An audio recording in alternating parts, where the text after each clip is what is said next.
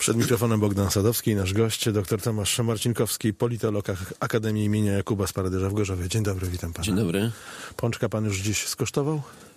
No jeszcze nie, staram się to odwlekać, ale niewątpliwie jak zacznę, to nie, nie będzie to jeden. Czyli to nie będzie symbolicznie, pan jest w tej grupie, co kalorii nie liczy?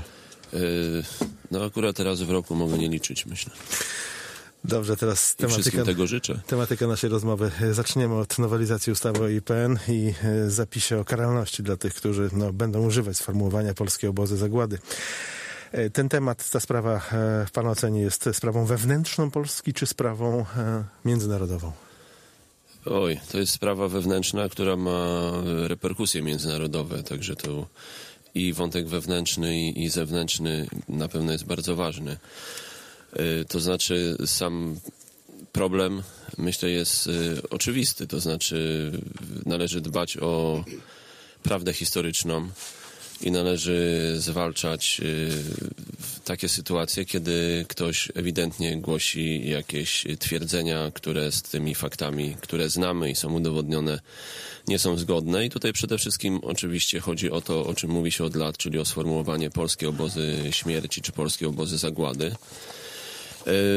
No i co do tego myślę wszyscy się zgadzają i tutaj jest szeroki konsensus w Polsce i opozycja i rząd jest za. Natomiast no, dobre chęci nie wystarczą, tylko trzeba znaleźć odpowiednie narzędzia, żeby te zadanie realizować. I myślę, w tym, w tym jest, jest cały, cały problem. I ta, ta sprawa świetnie też pokazuje jako pewien symbol to, w jakim miejscu w pewnym sensie my dzisiaj się znaleźliśmy, że kiedy cały świat dyskutuje o przyszłości, o tym, że samochód Tesli zmierza w stronę Marsa, to my dyskutujemy bardzo zażarcie o przeszłości, która oczywiście jest ważna, ale tak jak mówię, dobre chęci nie wystarczą tutaj, bo po, popatrzmy, bo to już wszystko na ten temat powiedziano. Ja nie chcę, nie chcę powtarzać tego, co było w innych mediach, ale tylko jedną rzecz, popatrzmy tak na poważnie, potraktujmy tą ustawę i, i co z niej wynika, nie? No właśnie, czy te reakcje były do przewidzenia. No przecież zna no właśnie pan, pytanie jest takie... Zna pan tytuły y, z izraelskiej prasy. Szok, niedowierzanie, zacieranie pamięci, prawdy o Holokauście i tak dalej. Tak, nikt mi nie zakaże mówienia prawdy o śmierci mojej babci. Artykuł Financial Times o tym, że Polacy próbują zakłamywać prawdę o Holokauście. I to dzisiaj się przebija do świadomości czytelników w Izraelu i na Zachodzie. I taki jest efekt, a więc zupełnie odwrotny do tego, jaki byśmy oczekiwali. Także Ale przyzna ta... pan, że temperatura debaty rośnie. Znaczy te działania po prostu okazały się przeciwskuteczne. Pytanie jest takie, zresztą y, były minister spraw zagranicznych Witold Waszczykowski w wywiadzie w ostatnich dniach powiedział, że MSZ zgłaszał te uwagi i sugerował, y, że taka reakcja międzynarodowa może być. W związku z tym jest pytanie, czy polscy eksperci pracujący dla rządu, którzy zwracają uwagę na to, że ta, te zapisy będą bardzo źle przyjęte, są w ogóle słuchani przez, przez władzę, czy, czy też nie, prawda? Czy, czy polskie, nie wiem, służby, które gdzieś tam badają, y, robią biały wywiad y, w innych państwach, czy, czy one są słuchane przez władzę, czy nie? Czy, czy, czy my naprawdę tego oczekiwaliśmy? Dzisiaj dochodzi do tego, że francuski minister z kraju, który przecież miał rząd kolaborujący z y, hitlerowcami, Y, udziela nam y, uwag i, i, i, jakby poucza nas, prawda? Mówi o tym, że my chcemy zakłamywać historię, więc jesteśmy w takiej chwili, że za chwilę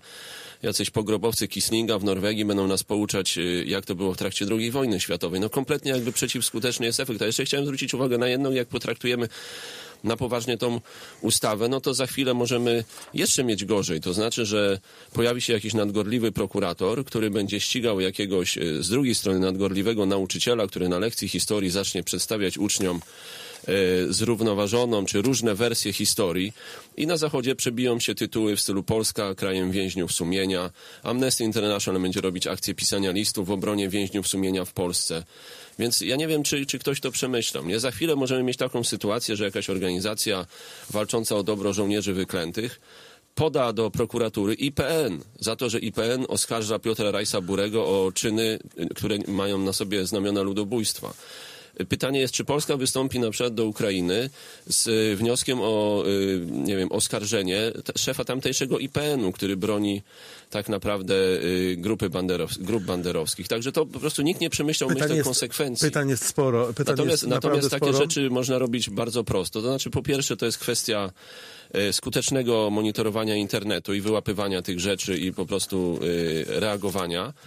Po drugie, to jest y, pewnie kwestia wynajęcia jakiejś sprawnej kancelarii prawnej, która będzie zajmowała się dochodzeniem także roszczeń od tych, którzy notorycznie takie kłamstwa głoszą.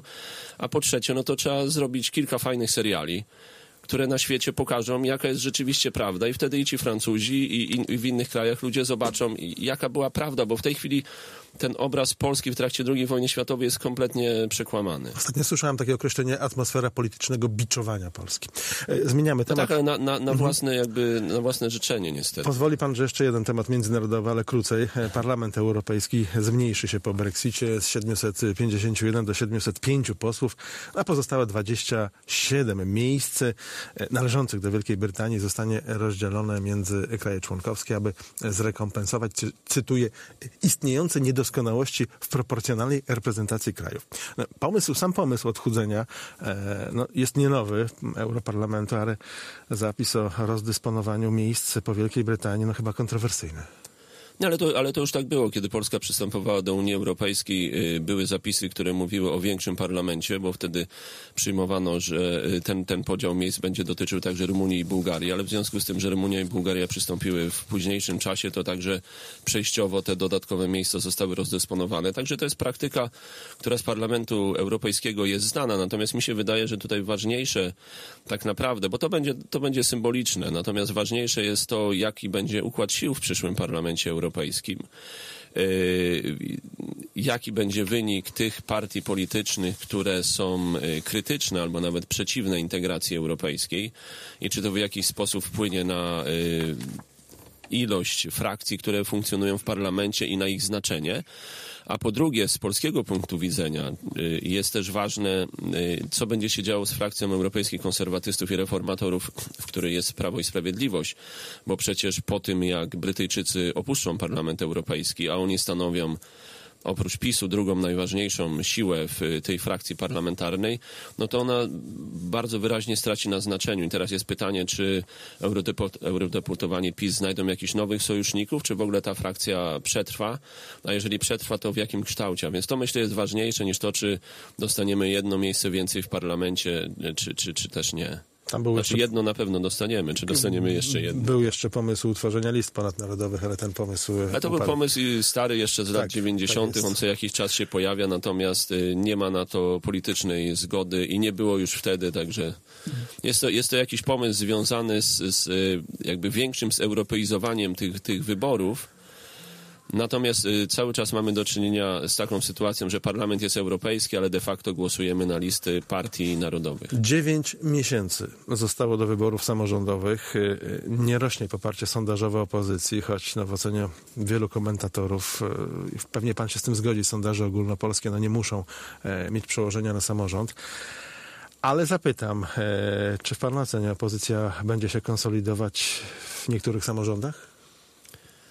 Znaczy zgadzam się z tym, że te badania ogólnopolskie mogą się mieć różnie do konkretnych lokalnych czy regionalnych sytuacji w różnych miejscach państwa, więc to, to niekoniecznie musi, musi się przełożyć. No, koalicja, natomiast, koalicja natomiast oznacza ustępstwa. Te rozmowy, te rozmowy one są y, prowadzone na górze i tam już jakieś y, zalążki takiej współpracy się pojawiają. Natomiast oczywiście na dole będą y, miały miejsce także różnego rodzaju decyzje personalne, które będą uwzględniały ambicje personalne, jakąś rywalizację personalną.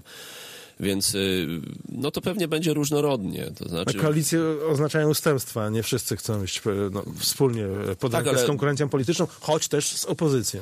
Myślę, myślę, że jak sobie przypomnimy, jak y, wydawały się nie do przezwyciężenia rowy, które zostały wykopane pomiędzy na przykład Zbigniewem Ziobro a Jarosławem Kaczyńskim, czy Jackiem Kurskim a Jarosławem Kaczyńskim, jakie oskarżenia wzajemne tam padały. I jak dzisiaj y, te dwie partie przecież razem współpracują, no to właściwie widzimy, że wszystko w polityce jest możliwe.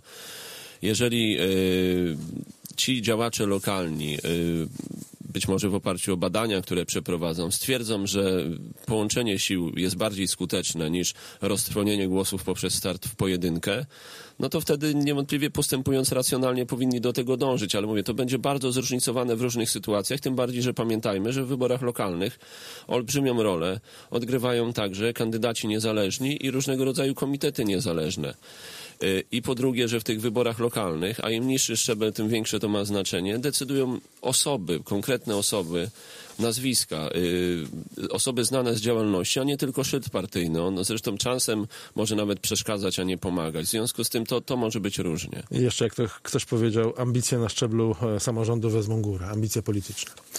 E, Dziękuję pięknie. Doktor Tomasz Marcinkowski, politolog Akademii imienia Jakuba z Paradyża w Gorzowie, był porannym gościem w Radiu Zachód. Dziękuję bardzo.